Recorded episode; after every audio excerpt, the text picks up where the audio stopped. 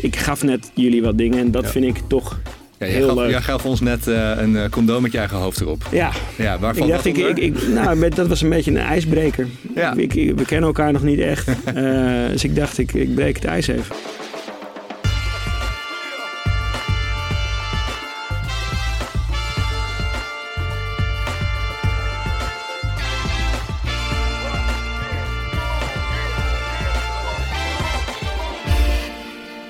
Goedemorgen, goedemiddag, goedenavond of wanneer je dit ook luistert. Welkom bij The Brief, een podcast over merken, marketing en content van Wayne Parker Kent. Mijn naam is Gerben van der Rijt en naast mij zit onze grote strateeg, de man met het plan, Valentijn Spek. Dankjewel. Hoi Valentijn. Dat is een fantastische aankondiging weer. Kort maar krachtig Ik, toch? word, ik groeide meteen nog een halve meter. Hoe gaat het met je? Eh, nou, het gaat eh, goed. Ja, heb je... Onvolkomenheden dagen later deze week eh, mag ik niet klaar. Nee, daar wil je het niet al te lang over Daar hebben. gaan we het niet over hebben. We kunnen alleen met de luisteraar delen dat het een hele serieuze aflevering gaat worden, want lachen doet pijn. Precies. Oké.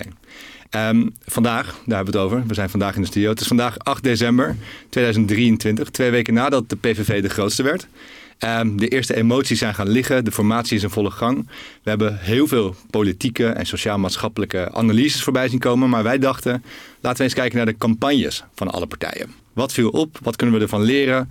Ehm, maar voordat we dat gaan doen, willen we ook even open kaart spelen met, de met de luisteraars. Dus Valentijn, wil jij, wil jij delen op wie jij hebt gestemd? Zodat in ieder geval onze politieke kleur duidelijk is in deze, deze show. Nou, ik ben blij dat je niet om een maandsalaris vraagt. Dat is volgens mij een nog beladener onderwerp in Nederland. Maar ja, dat wil nou, ik het is zeker wel delen. vecht om de eerste plek, denk ik. Ik, Maar eh, ik moet wel zeggen, ik heb nul, eh, een eh, schamele score van nul zetels bereikt. eh, dankzij mijn stem. Maar ik heb eh, op eh, bij, Van Haga. Oh, Ik, nee, ik heb op eh, bijeen gestemd. Ja, zowel namens mijzelf als namens mijn vrouw, durf ik wel te zeggen. Dus het waren toch twee stemmen, maar die hebben uiteindelijk eh, niet het verschil eh, gemaakt. niet het verschil gemaakt, helaas. Ondanks dat ik eh, had gehoopt van wel. Want ik vind het persoonlijk een belangrijke stem om te laten horen in de Kamer. Maar Ja, er waren weinig, of in ieder geval te weinig mensen die mijn mening deelden. ja, zonde, zonde. Ja.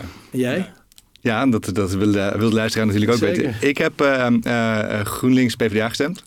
Eh, dat eh, doe ik eigenlijk al eh, heel lang. Of in ieder geval GroenLinks stem ik al heel lang. En daar nou, kreeg ik de PvdA dit jaar gratis bij. Voor mij de belangrijkste reden was, ik denk dat alle problemen, issues waar we in het land mee spelen, die zijn vast wel terecht. Ik was ook echt wel klaar met eh 13 jaar VVD-beleid. Ehm, en ik denk dat eh, de linkerkant, de progressieve kant, eh, de beste oplossingen presenteert voor alles waar we mee worstelen. Ook omdat daar ruimte is voor iedereen en omdat eh, eh, ja, het belangrijk is dat we verbinden volgens mij. Plus, ehm, ik hoop dat de dochter die ik ga krijgen ook nog mag genieten van deze mooie aarde. Dus iets doen aan het klimaat en het milieu, dat is niet eh, geheel onbelangrijk voor mij. Dus dat was eigenlijk voor mij de reden. Heel goed. Ja, maar goed, ook ik eh, heb niet gewonnen, om het zo maar even te zeggen. Ja. Eh, wie wel gewonnen heeft, dat is bekend. Ehm, maar daar gaan we het vandaag dus niet al te lang over hebben. We zijn een marketingpodcast, dus wij dachten... ja, laten we eh, toch nog wel een beetje de, de politiek dichtbij houden... maar wel kijken naar de campagnes. Eh, en dat doen we uiteraard met een gast. En deze week is dat niemand minder dan Perre van den Brink.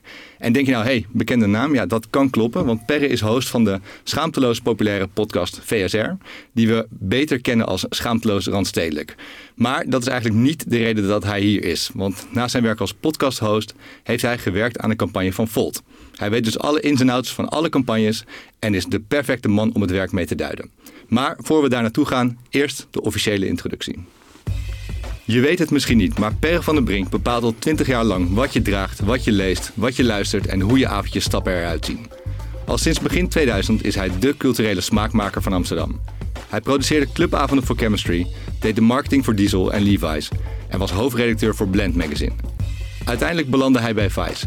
En als je niet bij Wayne Parker Kent werkte in 2012, was dat de place to be. In acht jaar tijd schopte hij tot MD West-Europa bij Virtue, het creatieve bureau van Vice. Na zijn vertrek startte hij Foster Kin, zijn eigen bureau.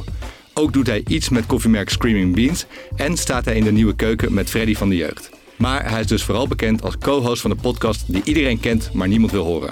Vandaag leggen we samen met Perre nog één keer alle campagnes op de politieke snijtafel. Welkom, Perre. Dankjewel. Alsjeblieft. Leuke binnenkomer. Hoe gaat het met je?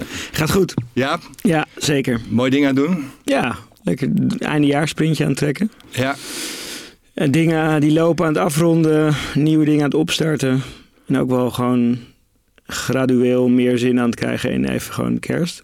Ja, ja, ja. Eh, en even een paar dagen niet werken. Dat is ook wel lekker altijd, hè? Ja, ja, ja. Ik zat eh, toevallig eh, gisteravond in de sportschool jullie laatste aflevering van VSR te luisteren. Goeie, goeie plek. Dat zeker. Dat ging eh, ehm, in drie kwartier tijd ging het van politiek naar Balenciaga naar SOA's. Ja. Dus zegt dat Nou, een beetje is wie is? eh. ja, ik denk dat, dat alle assen daarmee geraakt zijn. Ja, precies. Ja. Ja. Had, je, had je een beetje verwacht, eh, het succes van de show? Nou, ik had wel verwacht dat het, het spectrum van onderwerpen wat we belichten, dat dat zou resoneren bij mensen. Maar ik had persoonlijk niet verwacht dat het zoveel luisteraars zou trekken als dat het trekt. Ehm, dat had ik ook helemaal niet erg gevonden als het niet het geval was. Dan had ik het alsnog met heel veel liefde gemaakt. Maar het is wel nog leuker. Dat het eh, zo'n succes is. Ja, dat, Ja. Dat, dat is toch wel. En het, het, het, het werkte ook voor mij gewoon heel goed. Ook in mijn andere activiteiten is het, het, het bouwt eigenlijk of het versterkt de andere dingen die ik doe. Dus Ja. Ehm, Ja, daar gaan we zo meteen eh, eh, meer over vragen. Maar Ja. we hebben bij de brief altijd een, eh, een vaste rubriek om mee te openen. mhm. De beste content van de week. Mag ik, je... ik weet dit. Ja, jij bent luisteraar, ik hè? ben al jaren luisteraar. Ja, Ja. Leuk, leuk om te horen. Ja. En Ja. ben je een beetje zenuwachtig dan ook nu? Nou, ik, ik, ik- toen, jij, toen jij die woorden, ehm, go- goedenavond, goedemiddag, oh, gewoon de, de famous Ja. first words van die ook al jouw andere voorgaande hosts eh, uitspraken. ja. Toen dacht ik wel, dit is wel een momentje. Nu zit ik hier gewoon in de studio. Ja. Ja. Nice, nice. Maar goed, je kent hem dus. De, Zeker. De beste content. Vertel, wat heb je, wat heb je voor ons meegenomen? Ik heb het, ik heb het ehm, in het thema eh, gehouden, enigszins. Ehm, ik heb twee sites bij me. Voor zover kan je een site bij je hebben. Nu, vanaf nu wel. Vanaf nu wel. Is de Ehm, site content? Dat sowieso. Die site is zeker content. Alles is content Alles is in content. feite. Eh, maar ehm, deze sites gaan eigenlijk over ehm, systeemverandering. Iets wat, wat jij net in je eh, motivatie om GroenLinks PvdA te stemmen ook al aan, aantikte. Ja. En ehm, dat, daar, daarvoor, daarvoor gebruiken die sites eh, Futures Thinking. Eigenlijk een methode om ja, eigenlijk een, een verandering teweeg te brengen. En dat is eigenlijk een strategie die uit de militaire wereld komt. Je gaat gewoon een aantal eh, verschillende eh, toekomstscenario's plotten. Eh, de projected future is als je doorgaat zoals het nu gaat, waar kom je dan in uit? Nou, dan heb je nog de, de, de possible future, een soort heel wild scenario. En nog, een, nog een aantal andere type toekomsten. En je hebt de preferable future. Mhm. En dat is eigenlijk het ideale plaatje. Daar wil je terechtkomen. En als je die dan beschrijft, dan ga je eigenlijk vanuit daar backcasten naar vandaag. Van, je, je slaat het eigenlijk heel erg simpel, plat. Van hoe kom je daar? Welke Ja. tien stappen zijn daarvoor nodig? Dus je begint bij het ideaalbeeld eigenlijk. Exact. En dat, dat beschouw je ook vanuit alsof het al gebeurd is. Dus je beschrijft het in de tegenwoordige tijd. Dus daarmee visualiseer je het heel erg. En eh, deze twee sites die doen dat op verschillende domeinen. Eentje doet het op, op het, eh, in de voedselindustrie, de andere in de mode-industrie. En die beschrijven eigenlijk een andere realiteit voor eh, allebei die industrieën.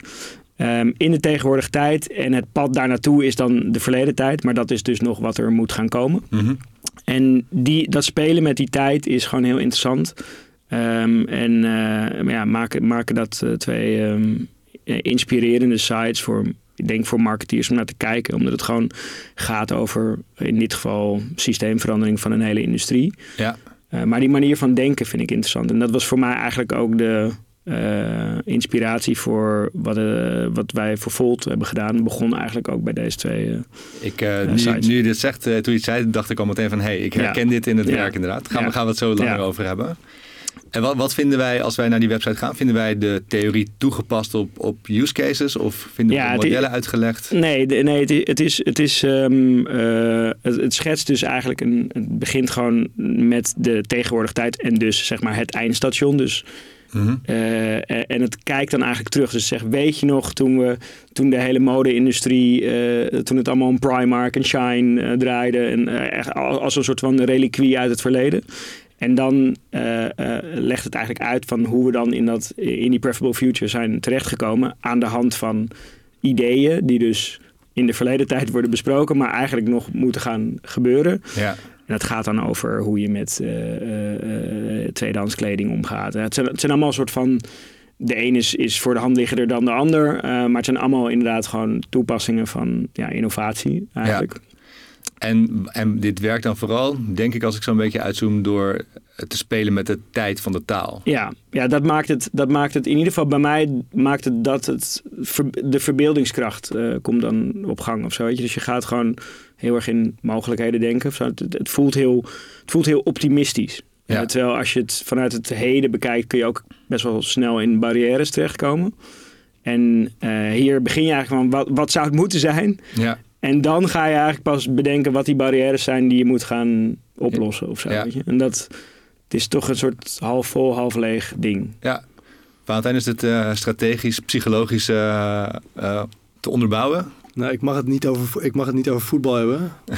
dat heb je nu toch al gedaan, dus maar doe dat heb maar. ik al gedaan. Maar Ja. het, het voelt heel erg Louis van Gaal. Je het imagineren, Imagineren, van, eh, van, van het resultaat. Ik laat me graag eh, Ja. vergelijken met Louis van Gaal.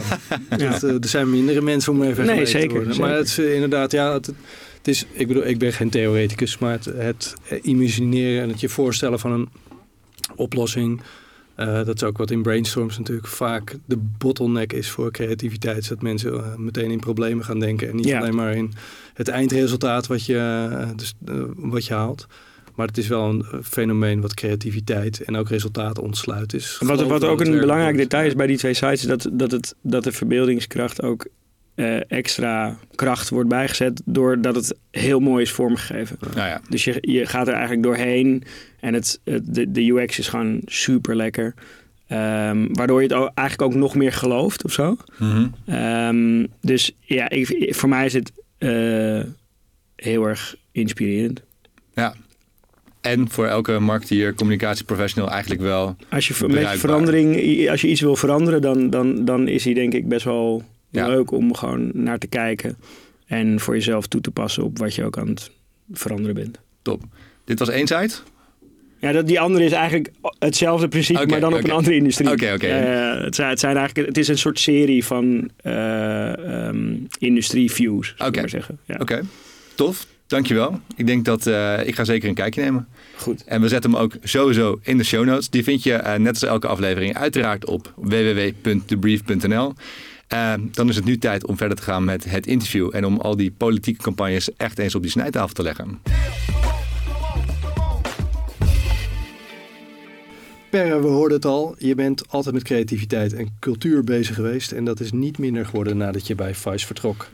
Alleen wat je nu op dit moment doet, kan voor de luisteraars wat vaag en willekeurig klinken. Terwijl er wel degelijk een gedachte en filoso- filosofie achter zit. Mhm. Kun je vertellen wat die gedachte precies is? Ja, ja. Eh, ja, het zijn eigenlijk gewoon. eh, het is een sy- systeem wat begon bij frustratie. Eh, zoals veel goede ideeën, denk ik, beginnen bij frustratie.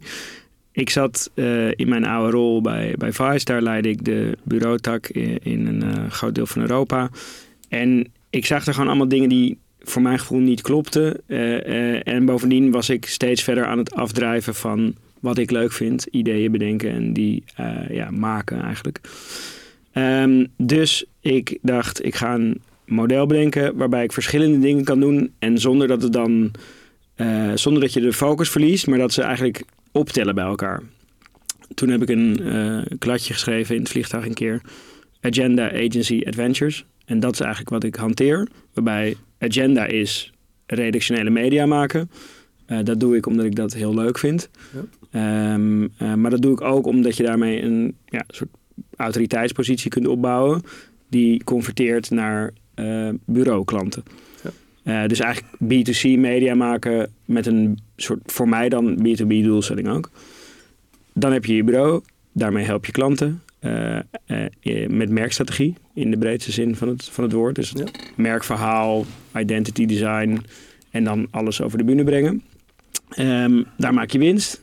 En die winst die stop je terug in eh, participaties in ondernemingen die missiegedreven zijn. Omdat dat eigenlijk mijn grote learning van het businessmodel van agencies is dat het heel aantrekkelijk is. Want consultancy is simpel, kan best veel geld per uur vragen. Ja. Maar je bouwt helemaal niets op. Het zijn ideeën en mensen en die komen en gaan. Eh, er zit geen IP in. Eh, dus het is ook moeilijk verkoopbaar als je dat ooit zou willen. Ehm, en die derde tak is voor mij ten eerste ook bewijslast van dat je als je ondernemers de hele dag adviseert over strategie, dat je weet waar je over praat. En ten tweede dus pensioenopbouw. Niet onbelangrijk. Ja. ook belangrijk. Ja. Nou, ik vind het wel grappig. Gerben had probeer het kort en bondig te houden.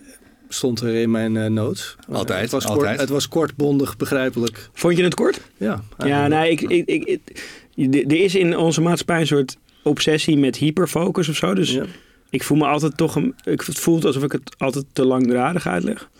Maar ik, de- ik ben het daar ook dus niet mee eens. Van, ik vind deze dingen nou eenmaal leuk om te doen. Dus Ja. dat is mijn focus. Weet Ja. je wel? Van, Ja, dan, dan bouw ik het er gewoon omheen. Maar wel dus op een manier dat bij elkaar optelt. En, ehm, ja.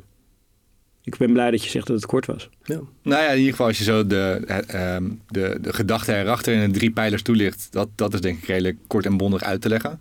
Ehm, maar wat het uiteindelijk allemaal oplevert, dat is natuurlijk nog wel een, echt een, eh, ja, een hele grote wirwar aan ondernemingen, bedrijven, ja, de output. ja, ja, ja. initiatieven. Ja, Ja. want ik bedoel, onder agenda, eh, wat, wat kunnen we daar onderscharen? Dat is VSR. Nou, dus VSR bijvoorbeeld. Eh, ik ben nu bezig met een, eh, nieuwe podcast. Ehm, dat wordt een podcast over sport door een business lens bezien. Oké, nou Ehm, Valentijn.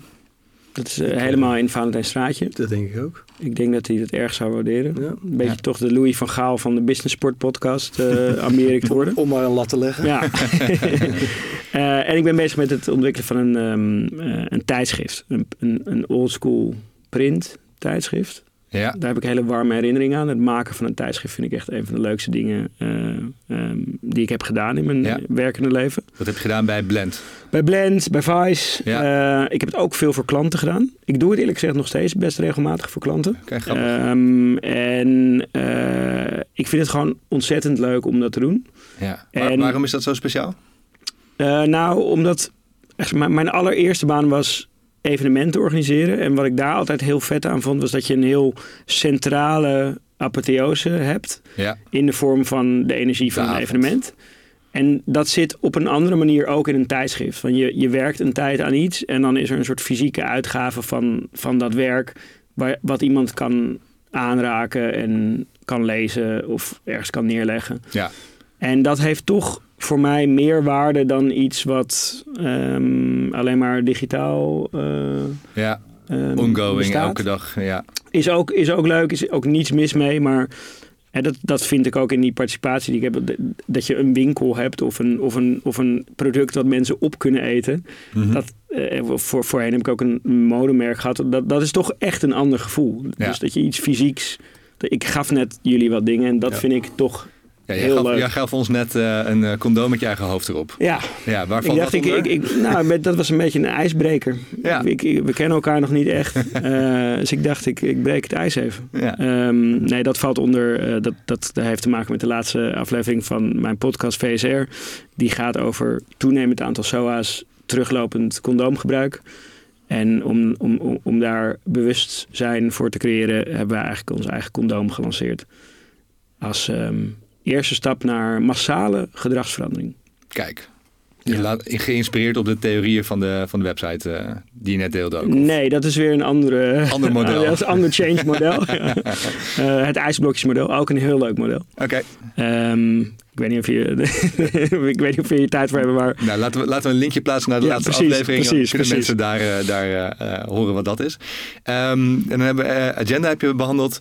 Eh, agency zei daar is veel merktransformaties. Mhm. Eh, daar gaan we later op in, want dat is ook zeg maar de pijler, de tak waarbinnen je de Ja. campagne voor Volt hebt gedaan. En Adventures, dat is eigenlijk, is, ja, is dat, je zei net uh, gekscherend, dat is mijn pensioen. Maar ik hoop dat je het ook wel leuk vindt om te doen, toch? nee, dat, is, dat, is, dat was het hele uitgangspunt van dit model. Was hoe kan ik de dingen die ik het allerleukste vind, hoe kan ik daar een soort werkzaam model van maken, Ja. waarbij het bij elkaar optelt. Dus dat is sowieso het startpunt. Eh, en ik wilde ook eh, mijn tijd en mijn talent een beetje besteden aan dingen die in ieder geval niet shell zijn. Of, of, Ja. of, of gewoon dingen kapot maken, zeg maar. Ja, Ehm, dus, daar missie gedreven. ja, dus het moet wel een soort iets van een bijdrage leveren aan een aantal uitdagingen eh, die er zijn in de vorm van een business idee. Eh, dat is dan mijn manier om iets bij te dragen. Ja, nou ja, goed. je kan, eh, met, met goede koffie en eh, eh, een vleesalternatief kun je aardig wat impact maken. precies, mij. precies, precies. Dus, eh, en, en, maar goed, om terug te gaan naar je vraag. Ja, dat vind ik mega leuk om te doen. Goed zo, goed zo. Ja. Oké, ehm, ja, we hebben het al een paar keer genoemd. Je hebt aan de campagne gewerkt voor Volt, de Ja. politieke partij. Ja, Als onderdeel dus van die agency-pijler en de Mhm. agency-werkzaamheden. Eh, we gaan zo naar de, naar de campagnes van alle partijen. Maar we waren eigenlijk wel om te beginnen benieuwd... hoe is die campagne die jij hebt gedaan tot stand gekomen? Wat was het grote idee achter de campagne? Ehm, nou, het grote idee, zeg maar, de mm, partijpolitiek van Volt eh, is er een van kiezen voor de lange termijn. Dus eigenlijk ehm, beleid of ideeën eh, voor beleid maken op basis van een soort 2040, 2050 ehm, toekomstbeeld. En dat is een soort intentie waar ik heel, heel erg achter sta. Maar, maar in een tijd. Kijk, de problemen die de burger ervaart. die zijn meestal wel echt in het nu. Weet je, Ja. mensen kunnen nu geen huis kopen. of ehm, eh, eh, willen dingen morgen veranderen. En, en, en ja, ze vinden het ook belangrijk dat er straks een betere toekomst is. maar dat voelt mm, eh, minder tastbaar dan morgen. En minder urgent vooral. Precies, precies. Dus het, het, het risico van die partijpolitiek is dat je heel makkelijk verdwijnt in het categorietje van dromers, eh naïvelingen, eh et cetera. Ehm, dus dat was eigenlijk het startpunt van hoe kunnen we dat ondervangen? Hoe kunnen we, het, hoe kunnen we de, de toekomst eigenlijk urgent maken en meer in het, in het nu plaatsen? En eh, nou, daar zit ook de link met die, met die sites eh, eh, die ik net ehm, uitlegde. Eh, want we hebben gekozen om dus te- net als op die site te spelen met die, met die tijd. Eh, dus het begint eigenlijk met een toekomstbeeld en het werkt terug naar eh, dat jij dat in beweging kunt zetten. Dus het gebruikt eigenlijk het soort van actie-reactie-mechanisme wat Rube Goldberg machines, zo heet dat dan, van die gewoon van die domino-achtige eh, machines, weet je wel, die het Ja. ene element zet het andere in werking. Eh, maar dan achterstevoren afgespeeld, waarbij je uitkomt bij wat heeft dit nou allemaal ehm, als eerste eh, In- in, in werking gezet. ja, en dat is jouw stem. Eh, dus we proberen op die manier een soort creatieve metafoor voor het politieke systeem te maken. Maar ook dus urgentie van die, die, dat, dat beter, die betere toekomst, die begint wel echt bij jouw stem, zeg maar. En zorg nou dat die stem eh, ehm, kiest voor die toekomst. En, en kiest voor plannen die eh, ambitieus zijn, maar wel op zijn minst bijvoorbeeld doorgerekend zijn. Ja. Eh, dus dat was eigenlijk het, het, het, het, het, ehm, het denken. Ja. Eh, en het soort centrale idee van waar we zijn gaan werken.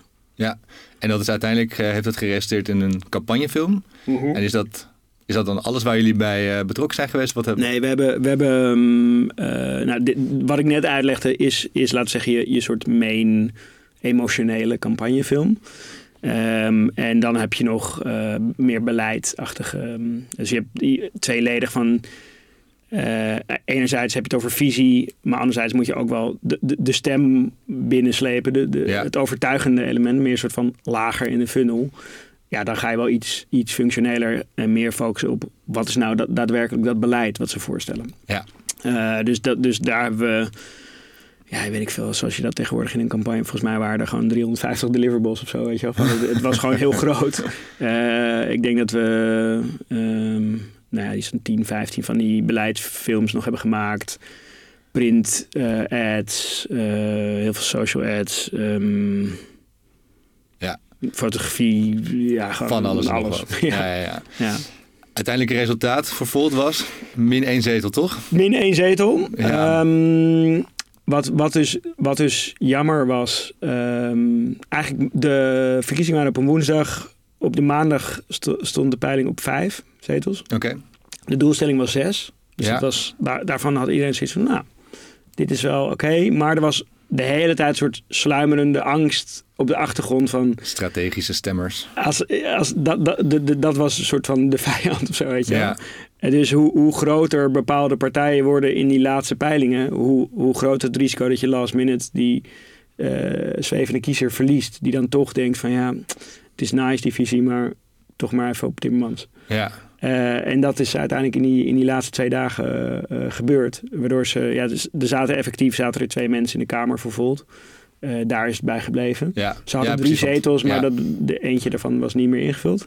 Nee. Ehm, dus het is, ehm, dat was jammer. Ja. Ehm, maar ja, ook wel, ja, dat is een beetje de context van deze verkiezingen. Iemand zei, ik, ik luisterde gisteren een, een podcast en uh, daar zei uh, Jesse Frederik van de correspondent, zei, uh, je bent heel erg geneigd om dit te gaan duiden als in heel snel terugkijken van ja, jeetje, wat, hebben we het onderschat of zo. En hij zei het is belangrijk om het on onderscheid te maken tussen het politieke weer en het politieke klimaat. Ik heb hem ook geluisterd, ja. Uh, en dat vond ik wel echt, echt een hele sterke ja. lezing van die situatie. Dus het, dit hoeft niet voor een soort jarenlang klimaat te staan. Dit kan ook gewoon een, een, een bui zijn, bij ja, spreken. Een flinke bui dan? Flink buitje. Ja. Uh, uh, maar ja, het klimaat is ook een beetje in de war. Hè? Je ja. hebt de hele tijd stormen en, en dingen. Dus het past wel in de tijd. Het past zeker, ja.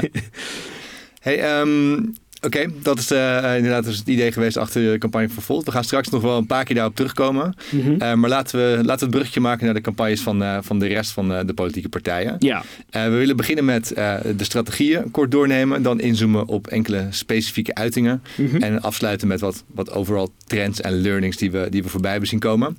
Oké. Okay. Eerst de strategie. En als het over strategie gaat, dan gaat het de laatste tijd in ieder geval in de, in de media en in de kranten gaat het heel vaak over de keuze van VVD om migratie het topic te maken van de verkiezingen. Mm -hmm. En dat het eigenlijk gewoon meteen al de eerste blunder was die ze hebben gemaakt. Ja. Um, maar hoe zag je nou die strategie terug in hun marketing-communicatiestrategie? Ik vond eigenlijk niet per se dat dat in die campagne-elementen heel zichtbaar was. Nee. Um, dat dat, voor mijn gevoel zat dat meer in hoe ze zich profileerden. Uh, uh, gewoon in, de, in media-optredens. Maar ik vond eigenlijk die, die ads die ik ervan gezien heb... Uh, dat ging veel meer over... Ik ben er voor jou of zo. Ik, ja, ik, ik, aan ik jouw hoor kant. je. Aan jou, ja, dat was inderdaad de, de line. Ja. Ik vond die ad die ze hadden gemaakt daar kreeg ik wel een beetje de rillingen van. Ja, welke ad bedoel je precies? Ja, dat zij dan... Uh, het was een beetje zo'n soort... Um, tranentrekker, kippenvel, wannabe film... waarbij je een podium hebt, twee stippen... Een burger stapt op stip A en uh, zij stapt op stip B. En zij, uh, zij luistert. Ze, ze, ze gaan in gesprek en ze zegt: Ik ben er voor jou. Ja. En ik vond dat een, een tone of voice die ook helemaal niet bij de VVD past of zo. Ik vond het heel georchestreerd. Ze zich heel graag kwetsbaar opstellen. Dat was de... Ja, nou, die, maar gewoon die soort van emo-content... Ja. die past helemaal niet bij de VVD, weet je. Ik herinner me gewoon van een paar, paar verkiezingen terug... dat ze van die posters hadden... gewoon heel lelijk... één zin met het, met dat onderstreepte. Ja. Ja. Daarvan dacht ik van, ja, dit, is, dit is wat de VVD is. Ja. Weet je, gewoon, Het is wel jouw identiteit, jullie identiteit. ja, Gewoon, gewoon heel dicht bij, bij henzelf. Um, en ik vond dit heel erg zoekend of zo. Ja. En waarom denk je dat ze die keuze gemaakt hebben? Nou, omdat ik denk dat dit de verkiezingen... Van, vooraf was dit natuurlijk al de verkiezing van de, uh, de zwevende kiezer. Ja. Zeg maar. Dus iedereen... Heel veel mensen zijn eigenlijk niet helemaal vanuit zichzelf gaan, gaan nadenken... maar meer van, shit, er zijn heel veel zwevende kiezers...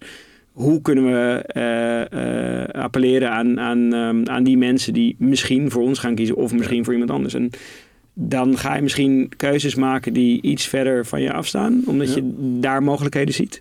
Ja. Uh, dus ik denk dat zij dat heel erg gedaan hebben en dat dat niet goed heeft uitgepakt voor ze. En zij zagen die dan vooral ook aan de rechterkant van de VVD, denk Ja. ik. En in het meer het, uh, Ja. populistische kant, zeg maar, op de, de rechtervleugel. En toen ging Geert Wilders in één keer mild worden, Ja, zijn dingetje. Zijn dingetje, tenminste, ze, ze, hij zei dat hij mild was. ja, ja. ja. Maar dat, dat hadden ze denk ik niet zien aankomen daar. Nee. En nou, ja, als je het hebt over strategieën, briljant. Dat is wel een vrij, vrij goede strategie gebleken, ja. Ja. ja. Zag je dat meteen al aankomen dat dat wel eens een eh, game changer, Ja, ik, hoe dat ik, werd? ik vind hem sowieso wel, als je het op strategie, hij is best wel een stratege. Ehm, dus dus ehm, ik had wel verwacht dat hij met iets, iets goeds zou komen of zo. En dit was wel echt wel een, een redelijk eh, briljante move voor zijn eh, achterban, denk Ja. ik.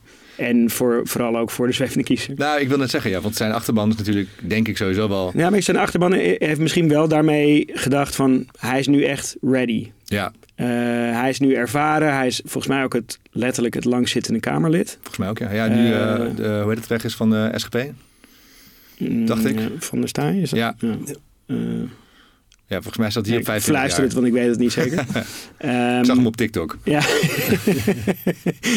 maar goed, dus, dus hij is een beetje de Nestor van de Kamer, toch? Eh, ironisch genoeg. Hij, hij roept alleen maar wat, hoe slecht het gaat, maar hij, is, hij zit er het allerlangst van iedereen, zeg maar. Ja. Als iemand het systeem vertegenwoordigt. Dan is hij het wel, zeg Ja. maar. Dus ik, ik dacht eigenlijk toen, toen, dat, toen ik dat hoorde, dacht ik van oeh, dit is, helemaal, dit is niet een goed element voor zijn campagne. Want hij is precies wat jij zegt, weet je wel. Eh, dat is eigenlijk een zwakte nu.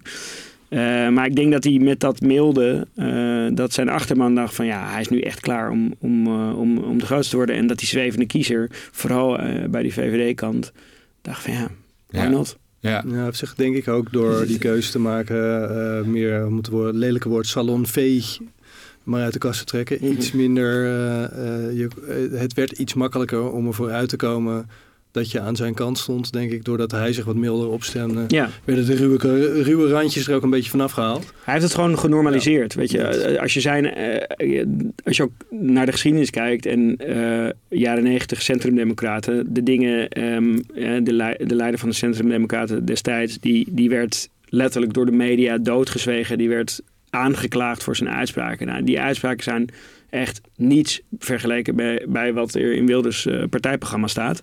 Ja. Maar als hij dan zelf zegt dat hij milder is en dat wordt ook de narrative die men overneemt, Ja. dan wordt het ook een soort van, ja, het normaliseert die stem of zo. Ja. Welke, dat, we hebben nu vooral de strategie aan de rechterkant een beetje kort behandeld. Mhm. Wat, eh, wat zette links daar tegenover? Wat, eh, wat viel je daarop? Nou, bij- PvdA GroenLinks natuurlijk gewoon dat ze van de potentiële zwakte de kracht probeerden te maken. Ja. Eh, dus eh, je zou kunnen zeggen dat het een zwaktebod is om maar samen te gaan. Want je krijgt het in je eentje niet eh, voor elkaar. Maar daar maakten zij dan samen staan, samen staan we sterker, was geloof ik de lijn. Samen, samen kan het? Of samen kan het. Ja. Ja. Nou ja, goed. De strekking was, was dat. Dus zij probeerden heel erg dat te doen. Dus, dus samen gaan we het... weer schaffen dat. Eh, dus dat, dat was eh, voor hen. En bij D66 ging het meer over nieuwe energie, toch? Van hij, hij wilde de jonge leider, nieuw, nieuwe leider, eh, relatief jong. En dat wilde hij ook uitstralen. Dat zag je ook in, in, die, in die campagnefilm, dat hij met jonge mensen in gesprek ging over, over hun toekomst en het, het, die nieuwe energie die nodig is om die toekomst voor die jonge mensen veilig te stellen. Eh, wat ook logisch is, omdat zijn eh, ehm, domein is natuurlijk op dit moment ook klimaat. Ja. Eh, dus dat voelde wel als een logische keuze. ja. De, Ehm. nieuwe, de nieuwe energie was wel een beetje een dieseltje. Ja, ja, ja. Kwam ja. wat laat op gang. Ja, ja, en, het ja. was, en het was de tweede wind nieuwe energie, want de vorige was ook al nieuwe energie. Ja. Dat Nieuw was- leiderschap. Nieuw leiderschap, nu nieuwe energie. Het is wel, Ja, het zijn wel twee verschillende dingen. Op zich vind ik nieuw leiderschap wel bij Kaag ook passen. Ehm, ze zaten denk ik ook wel echt op zijn wat jongere uitstraling of zo Ja. bij de 66. Maar ja, het heeft niet mogen baten. Nee. En wat, wat mij ook nog wel opviel bij de PvdA GroenLinks, die ehm, eh, los van dat ze, dat ze samen heel erg eh, naar voren brachten, was het in het begin ook heel erg hebben zij Timmermans als staatsman of als toekomstig minister-president neergezet. Eh, wat vond je van die keuze? Ja, super logisch. Ja, ja, waarom zou je dat niet doen? Weet je, hij, is, hij is degene met het meeste internationale ervaring. ja. Maar aan de andere kant waar, zaten we ook in een land dat wat misschien wel een beetje klaar was met oude politiek. En hij was natuurlijk ook wel, die ervaring stond ook voor die Ja. oude politiek. Was het niet een beetje nog te nou, ja, ja, ja en nee, want ik snap, ik snap wat je zegt, maar ik denk ook dat mensen in crisistijd ook wel neigen naar veiligheid en naar eh, ehm, ja, i- iemand die een soort rust eh, uitstraalt. En dat is dan hij dan weer wel of zo. Dus ik snap wel waarom je het zegt hoor, want ja, het, het voelt ook, hij is ook gewoon best wel oud. Ja, Ehm, zo, zo ziet hij er ook een beetje uit. Eh, Dus dat, ja, eh, daarvan zou je kunnen zeggen, hm, niet zo slim met, met die progressieve agenda. Nee. Moet juist over nieuwe energie gaan. ja, Eh, misschien dat ze moeten ruilen. ja. van, lijsttrekker. Ja. Kon, nog wat hulp, samen kan het. Hij kreeg wat hulp nog van anderen. Ja. Nee, maar ik, ik, snap, ik snap hem wel gezien zijn cv. Ja. Dat is natuurlijk wel van al die mensen een vrij indrukwekkend cv. Ja, dus als je campagnestratege was geweest, daar had je waarschijnlijk zelf de keuze gemaakt. Ja, ik denk het wel. Ik denk het wel. Misschien in de, eh, ik bedoel, de uitvoer van wat ze hebben gemaakt. eh, ik, vond, ik, vond die, ik vond die film, die animatiefilm, zeg maar de main soort campagnefilm, Ja. vond ik heel erg eh, oké, maar niet meer dan dat of zo, weet je. Gewoon nice, maar ja, Ja, niet dat je over vier jaar, dat je dan denkt van, ah, wat was ook weer die campagne? nee, Dan weet je hem niet meer. nee. Dus die vond ik iets te veilig of zo. Maar de strategische keuze, die snap ik wel. Zowel bij dat samen kan het als, als, als hem als staatsman Ja. profileren. Eigenlijk zie je dan een trend. Ik, zie- ik, ik hoor Geert Wilders zichzelf als redelijk alternatief leider positioneren. Eh, dan hebben we Timmermans die zich als, re- als leider neerzet. VVD maakte ergens ook een draai door eh, Dylan als leidster, potentiële leidster van het land neer te zetten. En zelfs in het rijtje met Trace Kok en Den Uyl eh, neer te zetten. In, in, in Een beetje zoals ik hem, eh, als je Louis van Gaal neerzet. Precies. Wat vond je daarvan? Waarvan? Na het feit dat zij zichzelf eh, waar, eh, ten eerste in dat rijtje plaatsen, maar ook eigenlijk daarmee direct het gevecht aanging met Wilders en Timmermans als de beoogd staatsvrouw. Ja, ik snap hem ook wel vanuit het soort van grootte van de partij en zo, weet je. Want dat, in feite eh, was dat ook een, een mogelijkheid. Ja. Eh, dus ik denk niet dat je dat dan niet moet doen, want er zit een kans in dat het gebeurt, dus je, je moet dat ook uitstralen. Ja. Ehm, dus, dus ik snap die keuze wel. Ik vond haar in haar... Eigenlijk aan het begin van de campagne vond ik haar heel sterk in haar media optredens. Ja. Eh, maar eigenlijk naarmate de optredens meer werden, dacht ik eigenlijk van, ah ja, dit is wel heel ingestudeerd allemaal. Ja. Eh, dus de, de, de delivery van de eerste paar keer vond ik, vond ik, eh, vond ik goed. Ja. En later dacht ik, ja, je bent gewoon nu weer, je, bent, je antwoordt overal hetzelfde op. Ja. Eh, en er zat geen, ik miste dan een soort van adremheid. Ja. Dus ja, een beetje talking points oplepelen, dat, dat, dat kan iedereen met een beetje training of zo. Dus ik denk dat dat ook wel, dat mensen daar op een gegeven moment ook een beetje op afgeknapt zijn. Ja. Het klonk eerst goed en dan aan het einde was het, ja, is nou weer dat je de vraag ontwijkt en een van je talking points. Het werd een beetje een soort voetbaltrainer retoriek. om in jouw eh, wereld... eh, wereld te blijven. Ja. Ik, ik Ja. heb iemand ook ergens horen zeggen van eh, de VVD doet niet aan politiek, eh, maar die doet gewoon aan marketing op dit moment. Nou ja, ik vond dat heel, heel ehm, hoe noem je dat? Telling bij, bij, die, bij die college tour. Dat, dat was een van de eerste grote, ehm, nou het was niet echt een debat, want het was een college tour. Ehm, maar toen, dat was natuurlijk niet haar arena, want er zaten allemaal studenten en dat was gewoon ja, meer een soort van progressief eh, publiek. Ehm, maar daar draaiden ze iedere vraag eh, naar zo'n talking point. En Twan Huis ging daar ook allemaal, allemaal grappen over maken. Van nou, je hebt niet echt geen antwoord gekregen. Zo. En iedereen moest ook lachen en zo. Het was, het was gewoon een beetje een soort ridicuul antwoord of zo, weet je. Eh, dus ehm, ja, dat vond ik niet zo sterk. Ik ben even nu kwijt wat jij nou eigenlijk vroeg. Of, ja, en volgens of mij ik beantwoord heb. Ja, ik denk het wel. Maar is dat een gebrek aan inhoud geweest of een gebrek aan ervaring? Of is het gewoon een verkeerde keuze in wat je uiteindelijk over de bühne eh, hebt willen brengen? Ik denk misschien toch gebrek aan ervaring, I guess. Ja. Het is toch die, die, die, die media, die, je, je, je moet... Je, tuurlijk moet je consistent zijn in het verhaal wat je vertelt, weet je. Dus die, je moet vasthouden aan die talking points. Maar als je, je, je moet wel ook charmeren of zo. Dus je moet wel laten zien dat je iedere keer luistert naar die persoon... en niet alleen maar je eigen eh, puntjes oplepelt. Dat, Ja. dat voelt dan toch onervaren, Ja. I guess. Ja, Ja. en, en we begonnen met het verhaal met de VVD koos heel erg voor migratie. Wat natuurlijk begrijpelijk misschien is vanuit hun perspectief, maar wat ook het domein van Wilders is.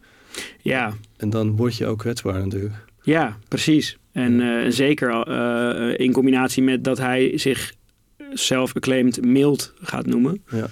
eh, dan word je helemaal kwetsbaar. Ja. Eh, dus eh, ze hadden beter gewoon bij hun eh, leest kunnen blijven. Ja. Maar dat, dat, ehm, er was een artikel in De Groene waar je het volgens mij sowieso ook eh, eh, nog over wilde hebben.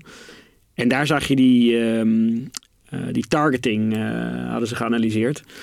En wat mij daar opviel, ook over bij je leesblijven, was dat de CDA dus enorm op ondernemers had, had, eh, had, ge- had gefocust. Ja. Dus gewoon al die, al die targeting was gewoon alleen maar eh, MD, CEO, founder. ja. Uh, ja, alsof ze de campagnestratege of de, de online uh, campaign manager van de VVD hadden overgenomen. En die was vergeten dat hij nieuwe, ja. nieuwe opdrachtgever ja, had. Precies. Ja, die, had, die kreeg te weinig geld. Die had gewoon de copy-paste. Ja, hetzelfde verhaal van vier jaar geleden. Ja. Maar misschien is het passend in een bredere trend. Die, als we dan terug weer even naar de marketing, communicatie terugtrekken. Dat, dat merken het belangrijk vinden om op trends in te spelen. En daarin mee te gaan. En daarmee vaak ook een beetje vergeten wat de essentie was van wie ze zelf zijn en waar ze voor staan. Nee, dat is dus de, dat, wat ik van Jes Frederik van weer versus klimaat. Dat, dat, dat mensen toch te, te, te erg op de eh, korte termijn gains zijn gaan zitten. Oh, in, in, een, in een soort reflex van, oh, dit zijn de zwevende kiezers, daar gaat het om deze keer. Ja. Waar kunnen we die vandaan trekken? Uh, en dan dus niet vanuit hun DNA zijn. Niet genoeg vanuit hun DNA zijn gaan verlies je ook aan impact uiteindelijk toch? Ja. ja. Nee, want jij, jij zegt net, eh, Dylan mist, mist ervaring. Maar ik denk inderdaad dat het deel van het probleem ook is dat zij maar bij die paar talking points bleven uitkomen dat de VVD op dit moment niet zo heel goed weten wie ze zijn. Dus als je terugtrekt naar marketing en communicatie, hun merk is gewoon niet duidelijk nu. Wat is hun, hun identiteit? Wat is hun, eh, waar staan ze voor? Weet je, wat zijn hun, hun kernwaarden, bij wijze van spreken? Ik denk dat ze heel erg zoekende zijn. Maar bedoel je dat om, om, omdat je vindt dat, dat hun merk gewoon Mark Rutte was geworden? Ja, ja. 100%. En ik denk ook dat zij nu heel erg. Uh, ja, Mark, Mark, Rutte was inderdaad, wat ik zeg, Mark Rutte was de VVD. En nu Mark Rutte weg is, zijn zij volgens mij er nog niet helemaal over uit wie, wie dan de nieuwe VVD is. Mhm. En dan, um, ze, ze, ze, leunen een beetje naar rechts. Je leest ook heel veel uh, artikelen nu waarin, uh, waar het blijkt dat ze intern best wel verdeeld zijn. Dat er mhm. inderdaad een deel van die VVD ook mee wil naar rechts. Maar een ander deel ook zegt van nee, dat is helemaal niet de richting waar we op moeten, uh, die we op moeten willen. Ja. Wat, betekent dat je eigenlijk gewoon niet meer goed weet als merk zijnde of als ja, wie je bent. Nee, zeker in, in combinatie met de mediadruk die zij hebben uitgeoefend. Uh, want ze hadden, nou ik weet niet, ik zou niet het exacte uh, cijfer kunnen noemen, maar toch zeker wel minimaal vijf, zes keer zoveel mediabudget als alle anderen. Ja. Uh, op een gegeven moment reek een paar dagen voor de verkiezingen naar Vol toe naar, Den, naar Den Haag en echt elke billboard die er was. Stond aan jouw kant. Stond, stond, stond, stond zij. Ja. Ieder bushokje. Uh, ze hadden echt een, een grote campagne. Dus dat maakt het resultaat eigenlijk nog, nog slechter. Ja. Um, ja. Even over iets heel anders, eh, marketing. Uh, Tom de Bruyne van Sue, uh, en volgens mij gaan we de link delen in de show notes. Zeker weten. Uh, deelde een analyse waar de, waarin hij de winst van Wilders verklaarde aan de hand van Byron Sharp. Mm kent hem niet. Um, laten we daar heel veel op inzoomen. Als we die theorie volgen, uh, wat had VVD, PvdA, GroenLinks, uh, GroenLinks anders kunnen doen als we het bijvoorbeeld hebben over de reasons not to buy. Zeker als je het hebt over de zwevende kiezer. Dan uh, moet je natuurlijk goede redenen geven om wel te stemmen. Maar moet je net zozeer redenen die in mensen hun hoofd leven om niet op die partij te stemmen wegnemen. Mm -hmm. Zou er, is er iets wat de VVD anders had kunnen doen als het gaat om waarom zou ik niet op VVD stemmen? Mm, ja, dan zou, je, dan zou je kunnen denken aan nou, gewoon meer expliciet praten over, over dat overnemen van Mark Rutte. Van als je het, ik denk als je, als je dat, soort, dat soort dingen gewoon benoemt, dat mensen ook best wel redelijk zijn of zo. Weet je? Maar het is nu nooit benoemd. Het is. Het is, het is um, ja, ze, ze, ze, heeft niet eerlijk gezegd dat dat een moeilijk punt was of zo. Uh, dus ik denk dat dat misschien uh, uh, zeker een reason not to buy was bij, bij haar. En die ze een soort olifant in de kamer die ze heeft laten staan. In plaats van uh, ja, heeft benoemd. Ja. Maar ik vind zelf die, die Byron Sharp um, analyse. Uh, voor mij is Byron Sharp een theorie, of nou, het is een persoon. zijn manier van denken. Ja. Ik hou er niet zo heel erg van, omdat het, ik hou meer van merkdenken wat gaat over emotie en ziel. Ja. Ehm, terwijl ik zijn theorie eigenlijk vooral toepasbaar vind op heel low interest dingen. Ehm, als, uh, weet ik veel, wc-papier. Ja. ja. als je wc-papier op elke hoek van de straat uh, beschikbaar hebt en je knalt er fucking veel advertenties uit, dan win je marktaandeel, zeg maar. Ja. Um, maar voor mij, ik, ik, ik vind die theorie nooit echt te rijmen met emotionele uh, merken. En ik denk dat een, een stem uitbrengen is voor mij per definitie een emotioneel ding.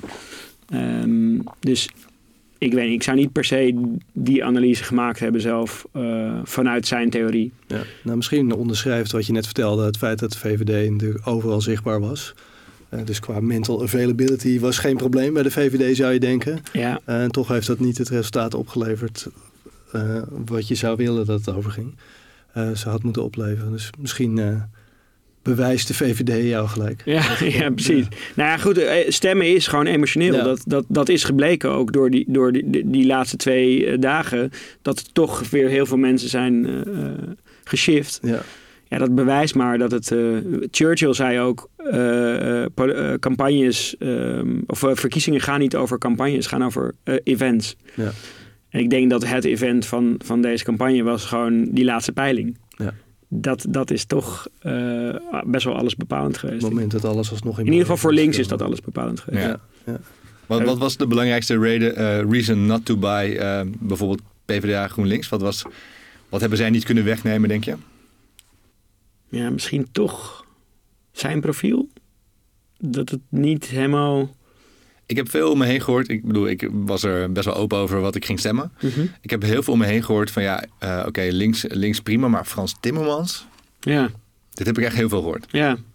Ik vond ook die... die... Ja, maar misschien was het ook wel... bewe- Er zat op een gegeven moment een, een, eh, een foto van de hele kieslijst. Waar hij dan in het midden staat. En dan... Ja, dan... Ja, misschien is het ook ageism, wat ik, maar hij zag gewoon te erg als een opa uit, vond ik. ik dacht van, dat, dat, dat, dat, wat, ik, wat ik ook met Biden heb, weet je. Dan denk je, jezus, die man Ja. is half bejaard. Nou, niet half. Nee, niet half. Hij is gewoon letterlijk in de leeftijd dat hij in een verzorgingstehuis zou, zou zitten. Ja, Ziet er op zich nog best aardig uit voor, maar eh, dat is toch nog niet, niet, de, niet de leeftijd dat je dit moet gaan doen. nee. Ehm, ik weet, dat, is- het is iets, dat is iets minder. Ik weet, niet, ik weet ook eerlijk gezegd niet hoe oud Frans Timmermans is, maar dat is misschien iets minder bij hem het geval. Maar Volgens mij zit er nog wel een goede, misschien wel twintig jaar tussen. ja, sorry Frans. ja. Eh, nee, ik, ik vind hem ook niet zo uit lijken als, als, als, als Biden hoor. Eh, Nee. Ook niet in hoe hij praat bijvoorbeeld. Nee. Die Biden komt gewoon soms echt niet uit zijn woorden meer. Nee, nee dat, daar heeft Frans gelukkig minder last van. Ja, Maar als je kijkt naar eh, ehm, de campagnefilm die, en, de, en de, de grote, het grote idee achter de campagne van Volt, dat was eigenlijk ook om een reason not to buy ergens weg te nemen. Toch? Ja, want, ja, je hebt- zeker. ja, want mensen denken aan ze aan Europa en de toekomst. Dat heb je wel geprobeerd weg te nemen door Ja. dat te vertalen naar nee, vandaag. ja, nee zeker. Dat was ook wel een, een, een, reactie op de dynamiek van die zwevende kiezer. Weet je? Want je, er is gewoon een deel van de mensen wat sowieso op Volt ging stemmen. Dus, dus zij zijn eigenlijk vanaf het begin eh, heeft Volt zich geprofileerd als een beweging. Eh, nou, dan, daarmee haal je denk ik hele overtuigde kiezers binnen. Dus dat is gewoon je soort van base eh, niveau kiezer. Die zijn ook gebleven. Ehm, en dan de winst zit hem dan in een, in een zwevende kiezer. En daar zit je inderdaad toch van, oké, wat is... Hè, we hebben het dan wel geprobeerd om heel erg vanuit het DNA van Volt eh, te, te beginnen. Dus niet van wat willen de mensen graag horen, maar meer van wat, waar staan ze voor. Eh, maar wel, wat is inderdaad eh, een reden om, om, om, om niet op ze te stemmen. En dat is dat toch dat eh, naïeve, te veel toekomstgericht. Ja, dus aan het einde bij de CPB-doorrekeningen hebben we ook nog heel erg dat eh, gepusht van hey, deze soort van grote visie-ideeën rekenen gewoon behoorlijk goed door. Ehm, eh, om, om ook gewoon te laten zien dat het niet onrealistisch is. nee, precies. Eh, we hebben wel een paar campagnefilms hebben we al eh, eh, gehad. Heb je, heb je nog meer voorbij zien komen waarvan je denkt van nou dit vond ik echt goed. Hier kan, kunnen wij als marketeers, communicatieprofessionals, reclame, mannen en vrouwen veel van leren. Nee, ik heb niet heel veel hele spannende dingen gezien eigenlijk. Nee. Ik vond eigenlijk een van de Hele slechte. Ehm, ook niet echt. Ook een beetje gewoon een soort redelijk veilige dingen of zo, weet je wel. Ehm, ik vond dat, dat, stuk van de groene bij die targeting, dat was eigenlijk, eh, vond ik qua marketing een van de interessantste dingen die ik gezien heb. Maar dat, dat heeft natuurlijk niet per se iets met die, Met de de creativiteit van de campagnes te maken, maar meer met, ah ja, dus dit is hoe ze zichzelf willen profileren of waar ze de kansen zien of zo. Dus dat ging meer over positionering en waar ze denken dat er opportunities liggen. Eh, maar qua campagne, nee. Ik, nee. J- jullie wel? Ik ook niet. Nee, eerlijk gezegd. Nee, nou, ik had, wat voordat we hierheen gingen, zat ik, er, zat ik er nog een paar te kijken. Ehm, degene die mij wel echt opviel was die van de SP. Waarin je een hele Ja. blije, frisse, jonge, hip, Ja. hippe, ja, ja, hippe ja, vent Ja, ja, nee, nee. heel nee. vrolijk ziet stemmen. En eh, met, met als boodschap bezorg dat je met een goed gevoel eh, het stembureau Ja, verlaat. die vond ik nice. En toen deed hij nog een dansje. Ja, Ja, maar toen dacht ik wel, is dit nou de SP? nee, dat, dat, maar ik, ik kreeg wel een goed gevoel bij, bij, dat, eh, bij dat filmpje. En ik vond het ook wel in die zin gedurfd of zo, weet je. Ja, het was wel anders. Ja, ja, ja, het was niet stem tegen. Wat een beetje normaal hun boodschap is. Wat ook wel echt een goede lijn is. Ja. ja. Ehm, maar ehm, ik vond die wel opvallend. En die, hij, hij kwam ook heel laat pas. ja. Voor mijn gevoel echt een week voor de verkiezingen. ja. Ehm, dat is ook wel voor mij een, een, een, een les geweest van... Je bent heel erg geneigd om, om zo'n campagne... ehm, ook i- niet, niet alleen in zo'n politieke campagne, maar in iedere campagne... om eigenlijk te beginnen met je soort grote emotionele ehm, eh, film of, of, of uiting. Eh, en dan later eh, dieper in de funnel de redenen op te lepelen waarom je het zou moeten kopen of Mhm. stemmen in dit geval. Ehm, terwijl als je dan kijkt naar hoe deze verkiezingen zijn verlopen, is die stem eigenlijk toch heel emotioneel gemaakt aan het einde door voor de meeste zwevende kiezers. Dus dat zou, dat, dat zou misschien wel een, een, een learning voor, voor mezelf ook wel zijn. Van, misschien moet je dat gewoon omkeren. Misschien moet je beginnen functioneel en pas vlak voor de verkiezingen eigenlijk emotioneel gaan. En dat vond ik dan dus wel opvallend bij dat SP-ding. Het kwam vlak voor die verkiezingen uit en Ja. het, het was gewoon, het ging vol op de emotie. Eh, in een soort extreem simpel idee. Een beetje alles op rood. ja. Eh, pun intended. Eh, ehm, dus ik vond dat wel eh, inderdaad in retrospect, nu je, nu je het zegt, was dat misschien wel een van de dingen die het meest uitsprong in ieder geval voor mij. ja. Ik weet niet of ik het briljant vond of zo, maar Ik vond het vooral ehm, echt, een, echt een stijlbreuk. En echt niet compleet passen bij het beeld wat ik in ieder geval heb van de Nee. SP. Dus ik denk wel van, oh ja, als je in één keer deze leap neemt, weet je, dan... En, en daar niet naartoe hebt gewerkt, of dat niet hebt geladen daarvoor of daarna, of wat dan ook, dan is het echt gewoon ja, een beetje, ja, een beetje random. heel Ja, random. ja, het voelde ook wel, ook, ook wel random. En daardoor onthield ik het dan wel in die laatste dagen of zo, Ja. weet je wel. Van, maar goed, dat, dat, ik weet niet of dat een... Misschien waren wij ook gewoon opvallend geïnteresseerd. Ja, Dat zou ook nog kunnen. Eigenlijk worden de campagnes opgebouwd. Als ik het nu, je had, je had het over die grote film en eh, dan op het laatst functionaliteit. Dat klinkt heel erg als elke zorgverzekeringscampagne. ja, ja, Ooit. precies.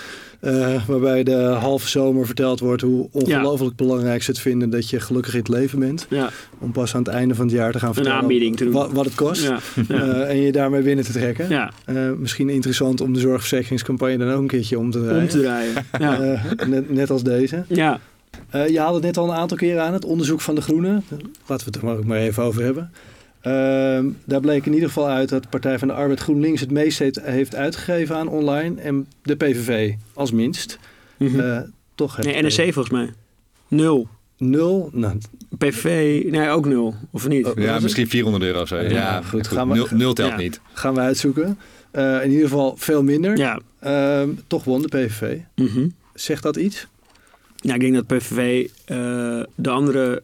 De, de onder, er is gecampaigned op de onderbuik door de anderen eigenlijk. Ja. Dat laat dat stuk voor mij ook zien, toch? Dat is ook voor mij de grootste conclusie van het stuk is... ehm, dat de plekken waarop mensen werden buitengesloten, dus die willen we niet bereiken, dat Ja. dat de plekken zijn waar Geert Wilders de grootste is geworden. Ja. Eh, wat gewoon volledig in lijn is met zijn retoriek. Ja. Eh, dus hij is er voor, voor de ongehoorde eh, burger. Ja. Ehm, dus wat dat betreft, ja, is, is er. Hij heeft geen cent uitgegeven aan social, maar social heeft het dus uiteindelijk wel voor een groot deel voor hem gedaan. Ja. Is het soms dus toch verstandiger om je mond te houden en eh, te blijven de rest het werk te laten doen? Het is wel een mooie, mooie case van hoe, hoe, hoe je meta kunt naaien. Ja. Dus, dus schijnbaar kun je een, een gratis campagne op meta laten draaien. Ja. Ehm, maar dus ik denk uiteindelijk dat hij dus wel heel veel heeft gehad aan social. Ja. Ja. Eh, door, juist door niks uit te geven en eh, juist door iedereen zijn eigen graf te laten graven. Door op van die juppen eh, targeting die we allemaal gezien hebben in dat stuk. Ehm, of of, of natuurlijk ook links en rechts verschillende targeting. Maar ehm, dat is toch wel, dat, dat vind ik dan toch wel even treurig als briljant. Ja. En eh, wat wij ons ook afvroegen is, eh, die targeting is natuurlijk fantastisch op zich. Mhm. Ehm, maar dat targeting gaat er wel vanuit dat jij precies weet wie eh, jouw doelgroep is. Ehm, kan het ook zo geweest zijn dat veel van die targeting potentiële doelgroepen, zeker bij de, bij, hè, we hebben het ook over, over de zwevende kiezer gehad. Dat zijn ook mensen die niet per se uh, jouw doelgroep zijn. Mhm. Uh, dat die targeting er ook voor gezorgd heeft dat veel partijen juist die doelgroep gemist hebben. Als jij voortdurend maar alleen maar richt op de traditionele VVD-stemmer, de traditionele CDA-stemmer, dat juist die zwevende kiezers of de mensen waarvan je nog niet weet dat ze voor jouw partij zouden kunnen kiezen, dat je die Mhm. mist. Eh, nou, maar dat vond ik niet per se blijken uit dit artikel. Dus uit die analyse. Bijvoorbeeld dat CDA-voorbeeld waar we het eerder over hadden. Ja. Daar zag, ik, zag je juist heel erg dat ze op die, op die niet-traditionele CDA-stemmer... Het CDA die zichzelf altijd... eh, dus die prat ging op, op, op gezin als hoeksteen van de samenleving. Dus, dus meer het... Ja, gewoon eh, het gezin eigenlijk als uitgangspunt namen. Die dan nu volle bak op business-achtige... eh, ehm, eh, targetingtermen gingen. Dat vond ik dan een voorbeeld van dat ze juist probeerden om buiten hun ding kiezers te trekken. Ehm, bij de, aan de linkerkant zag je het ook wel, omdat het waren ook al allemaal termen die ook bij andere linkse partijen re- zouden resoneren, zeg maar. Ehm, Bolderen. ja, dat is niet specifiek toe te, toe te wijzen aan, aan D66-stemmers Nee. toch? Of zo. Ehm, maar ook niet aan PvdA GroenLinks. Maar ja, dat, dat is gewoon een... Je zou het een linkse hobby kunnen noemen. Dat zou je zeker kunnen. Ja. Ja, ja. De concentratie bolderhallen is wel vrij groot in de Randstad ik denk versus ja, daarbuiten. daarbuiten. Ik heb hem daarbuiten ben ik hem nog niet tegengekomen. Ze zullen Ja. er vast zijn, maar ja. En dat Padel ook gemist, denk ik. ja. Ja. In het lijstje. Pa- Padel Ja. stond niet in het lijstje Wat dat betreft vond ik die van BBB André Hazes, dat was mijn allerfavoriet. Ja, eh, terecht. Ja. Dat zij gewoon op André Hazes hebben getarget. Ja, Ja. Ja wat, we zeggen dat meer over, waar eh, André Hazes eh, is beland uiteindelijk, denk ik.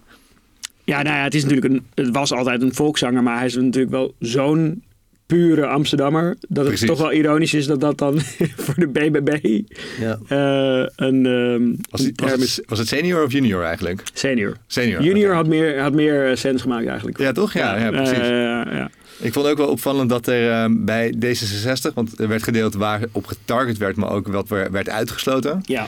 En ik las dat D66 had Stone Island uitgesloten. Ja. Ja, dat is ook zo random. Ja, ik, denk, ik denk dat ik wel weet waar dat vandaan komt, maar volgens mij hebben ze dan ook de plank een beetje misgeslagen. Maar waar, waar denk je dat vandaan komt? Nou ja, de Stone Island was vroeger natuurlijk het hooliganmerk. Ja, ja, ja. ja. eh, van, eh, van in ieder geval eh, bepaalde professionele voetbalclubs. Ja. Toch wel voetbal.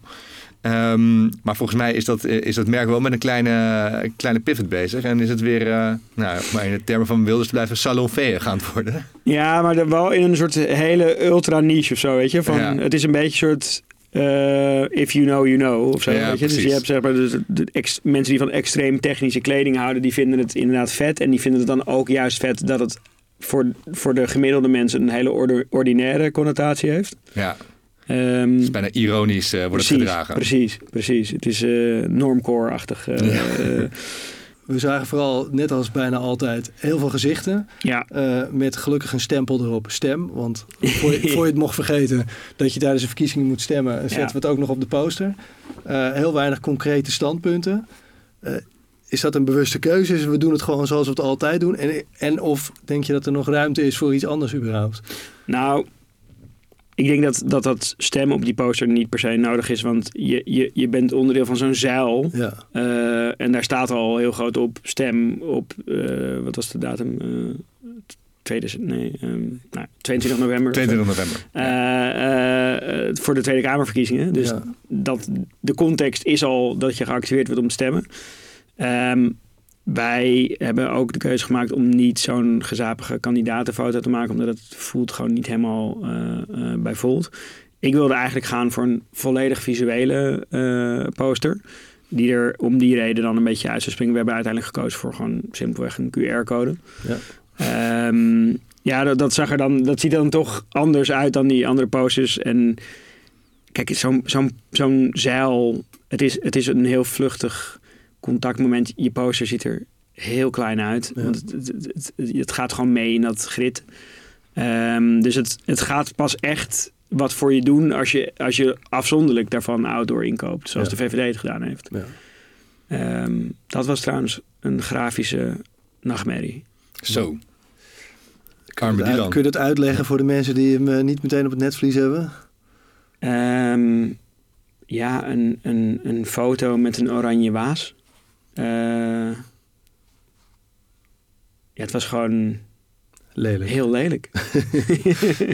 Ja. Ik Ja. weet niet wat ik er anders nog over moet zeggen. Nou, Heb ja. nog, eh, Nou, ik heb, ik heb, eh, ik heb eh, veel bruiloften gefotografeerd in, ehm, in een verleden. ja, En waar je altijd echt de grootste hekel aan had, was het moment, nou dat kan wel overdag of s'avonds zijn geweest, dat er altijd van die gekleurde lampen aangingen. ja, En Want die gekleurde lampen maken niemand mooier. En dat Ja. is een beetje, ik had het idee alsof Dylan op een bruiloft was geweest, ze daar één keer op de foto was geweest en ze die hadden gebruikt. ja, het voor de- leek ook voor de, voor de eh, uitingen. Foto te zijn. Of zo, Ja. weet je? wel? Dat je, dat je Nee, die oranje gloed, maar het kan ook, eh, of het nou een roze, eh, paars of welke gloed dan ook. Niemand wordt er beter van. Wordt er Nee. van als je met zo'n gloed op het is wel heel erg on- on-trend in grafisch land om er zo'n gloed overheen te gooien. Ja, dat, dat, dat, dan weer wel. Dat dan Ja, weer wel. Maar, Maar er zijn mooiere manieren om dat... om eh, te bewerkstelligen. Ja, ik vond het ook een, een eh, matige exercitie. Ja. Nog een laatste dingetje voordat we naar de, de learnings en de, eh, en, de, eh, ja, en de trends gaan eigenlijk. Mhm. Ehm, ook een minder sexy, maar eh, wel klassiek onderwerp. Het flyeren. Ja, Ik, dat blijft natuurlijk altijd maar terugkeren. ja. Ehm, heb, heb jij geflyerd voor Volt? nee. Nee, Maar Volt heeft wel gefluit. Volt heeft wel. Waarom is het voor de partijen zo'n belangrijk ding? Ehm, nou, omdat je dat natuurlijk van alle campagne-assets het enige moment waar je echt verbinding met iemand kunt maken. Ehm, en ehm, ja, waarbij je echt menselijk bent. Ja, Eh, waarbij je ook kandidaten de straat op kunt laten gaan. Dus, dus eh, dus het gaat niet zozeer om die flyer uitdelen, maar het gaat om het gesprek. ja, ik denk dat dat ook, ook, ook als je kijkt naar het vertrouwen in de politiek, ehm, dat, dat je bijna zou moeten concluderen dat er misschien meer geflyerd had moeten worden. Ja, Dus dat je vaak als je gewoon luistert naar iemand. eh, ehm, ja, dat was trouwens een, in, in, in ehm, eigenlijk eh, met VS hebben we ook een, een soort gelijke aflevering als deze eh, gemaakt. En de, daar, daar vond ik een interessant onderzoek voor wat ze in Amerika hebben gedaan. Waarbij ze, ik geloof, 250 mensen of zo een weekendje weg hebben gestuurd. Mhm. En het waren echt diverser dan dat krijg je niet in Amerika. Het waren echt van de allermeest racistische rednecks tot de, de allerwokeste eh, progressieve mensen. Weekend weg, lullen, voor het weekend weg onderzoek, na het weekend weg onderzoek. En allemaal hadden ze meer begrip voor de ander. eh, simpelweg om gewoon een keer met elkaar te praten. ja.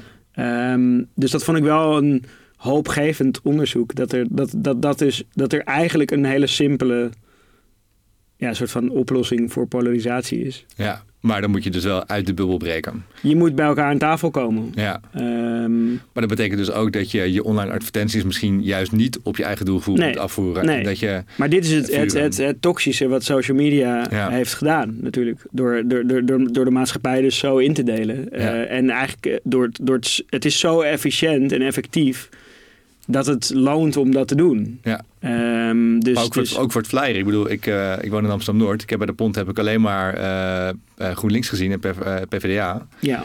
Maar dat ja, ik bedoel, het was eigenlijk makkelijk, makkelijk scoren natuurlijk. Eigenlijk zou je als, als, als linkse progressieve partijen zou je eerder naar, naar Enschede moeten gaan. Ja. Of naar Limburg. Ja. En, en daar dan ja, deel je flyer uit en ga vooral in gesprek met mensen. Ja, nee, zeker. Ik denk dat dat, eh, dat dat een heel goed idee zou zijn. Ik vond dat echt een heel hoopgevend onderzoek. Zodat je van ja, zo simpel is het dus eigenlijk gewoon. Ja, er zijn bijna mooie laatste woorden. Maar laten we nog even, he- hebben we verder nog learnings, dingen die wij als marketing, reclamewereld kunnen, kunnen meenemen van de, Ehm, van de campagnes van de afgelopen periode? ja, wat, volgens mij zei ik dit ook al eerder, maar gewoon de cliché van je moet wel blijven bij wie je bent, zeg maar. Ja. Je moet niet een soort gekke moves gaan doen en die heel centraal stellen, terwijl het eigenlijk een soort wanhopige pogingen zijn om de zevende kiezer te bereiken met iets wat niet echt je punt is of zo. Ehm, dus dat denk ik. Ehm, en die andere heb ik eigenlijk al genoemd. Dus misschien het omdraaien van die e- emotie en, en functionele eh, boodschappen. Ehm, ja, ik zou wel meer, meer, meer creativiteit in die, in die artistieke creativiteit. In die, In de En- campagnes. ja. En een mooier posterdesign voor de VVD. dat, dat is niet zo moeilijk. Ja, hè? Dat gunnen we zich allemaal. Dat, Ja. daar, hopen we, daar hopen we op. Die heeft ze vast ook niet thuis aan de muur hangen. Nee, nou goed, ja, maar ik vrees van wel eigenlijk. Ja, dat is Vater, heb jij nog dingen die, uh, als je terugkijkt op de afgelopen campagnes, waarvan je zegt van nou, ik neem dit mee in mijn werk als strateeg? Nou, ik denk dat ik dat, al pratend een beetje tot dezelfde conclusies komen. Ik denk als strateeg, uh, voor mij denk ik de belangrijkste conclusie dat je een keuze moet maken in het verhaal wat je wil vertellen. En dat je daar vertrouwen in moet hebben. Mm -hmm. En ook achter moet durven blijven staan. Dat je mensen wat te kiezen geeft, ook daadwerkelijk. Uh, en dat je niet met alle winden meewaait, ook al ver verandert het weer en de temperatuur. Uh, ja, dat, dat met name. Blijf bij je kern. Blijf bij je kern en, en wees daar ook duidelijk, duidelijk in. Ik, mijn gevoel, het gevoel bekroop me tijdens deze verkiezingen dat dat meebewegen met wat je denkt dat mensen willen horen. Uh, dat leg je dan in dit geval, tijdens deze verkiezingen heb je dat toch, uh, heb je, laten we dan maar even de PVV als winnaar uh, kiezen. Um, in ieder geval in zetels, maar gewoon als winnaar van de, de strijd. Zij waar, zij, hij, uh, Geert Wilders is toch altijd schoenmaker, is bij zijn leest gebleven. Mm -hmm. ja. um, en uiteindelijk heeft hem dat dan de overwinning opgeleverd, omdat het misschien het klimaat er juist voor was. Uh, maar wel omdat mensen wisten waar hij voor stond. Ja. Ja. En dat, dat is bij de rest van de partijen. Ik kan niet, uh, ik, ik hou niet van uh, dat je in one-liners uh, moet gaan functioneren. Maar bij de rest van de partijen is het lastig om op te lepelen wat dat ene ding nou is waar je voor stemt. Mm -hmm. dus als strateeg zou ik vooral kiezen, kies een duidelijke belofte. En hou daar dan ook aan vast. Ja. ja. Je hebt zo'n je hebt zo'n model, dat Citizens Agenda model. En dat, dat, is, dat is eigenlijk luister naar de kiezer en geef ze meer van dat. Ja. Geef ze meer van die onderbuik of zo. Ja. En dat vind ik een heel gevaarlijk model. Um, om, om, omdat het... Um, dit is eigenlijk überhaupt in de maatschappij aan de hand. Dat je in een soort algoritmische realiteit leeft. Dus je krijgt eigenlijk alleen maar meer te zien van wat je, wat je al leuk vindt. Uh, in plaats van dat je verrast wordt of geprikkeld wordt. Ja. Um, dus dat is iets wat ook breder maatschappelijk echt een issue is, vind ik. Ja. Um, er is een, een tijdje geleden ook een heel leuk stuk over verschillende. The Age of Average heet dat. Ja. Hebben die vast ook wel gelezen? En dat was, ik bedoel, wat daarin staat is, is niet. Dat zijn geen mind-blowing insights. Maar het is heel fijn als iemand gewoon opschrijft wat je zelf eigenlijk al heel lang denkt. Met een paar goede plaatjes erbij. Um, maar dat is wel echt. Sinds ik dat gelezen heb, heb ik echt zo'n soort gevoel van. Ik wil met alles wat ik doe, of het nou mijn ondernemingen zijn, de media die ik maak, of het werk dat ik voor klanten doe, gewoon strijden tegen dat. Gewoon strijden tegen die soort alle plooien die uit het leven ge gestreken worden door, door, doordat het allemaal een voorspelbaar succes moet zijn. Dus fok algoritmes um, en voorspelbaarheid. Ja. Ja, laten we het karakter en de identiteit weer gewoon een beetje terugbrengen in, uh, in het dagelijks leven. Ja. Of het nou in de politiek ja. is of in het straatbeeld of waar dan ook. Denk gewoon aan die iconische verkiezingspose. Gewoon aan die oude SP-poses. Dat, dat, dat was allemaal gewoon ja. uitgesprokener. En, die eerste en, film van D66 ooit. Ja, die naakte vrouw van de PSP. Uh, gewoon al, al, dat soort uitgesproken dingen van durf. Ja. Um, ik wil niet nu te nostalgisch klinken. Maar dat is wel echt... Dat staat wel op het spel of zo, weet je? Ja. Dus blijf bij jezelf, blijf dicht bij jezelf. En Volk algoritmes. Volk algoritmes. En durf gewoon uh, uh, uit te dragen wie je bent. En durf gewoon... Uh, het is ja, net als het echte leven, toch? Eigenlijk wel. Maar het is net als wat je tegen je kinderen zou zeggen. Ja, nou, dat... Hou gewoon vast, die puurheid vast. Ja, ik schrijf hem op. Ja. Dank Perre voor je komst naar de studio. Dank Valentijn. En zijn we alweer aan het einde gekomen van deze iets wat speciale aflevering wellicht van de brief. Uh, geen merk, geen uh, uh, marketing. nou ja, goed, Per is wel een beetje marketinggoeroe natuurlijk. Dus we hebben wel een aan tafel gehad, maar we hebben geen merk besproken. maar ik denk wel een hele mooie speciale aflevering over de politieke campagnes die we hebben gezien. dank voor het luisteren. Wil je nou wat teruglezen, dan kan dat, zoals al een paar keer genoemd is, op www.thebrief.nl. Daar vind je alle show notes. Dan wil ik alleen nog Wayne Parker Kent bedanken dat we deze show mochten maken. De redactie was in handen deze keer van Tobias Pinto. Uh, Tobias Pinto. Hoe, spreek De redactie was in handen van Tobias Pinto. De productie was van Guido Wiggers. We waren in de Smet Studios en de volgende show is over een paar weken. Dankjewel.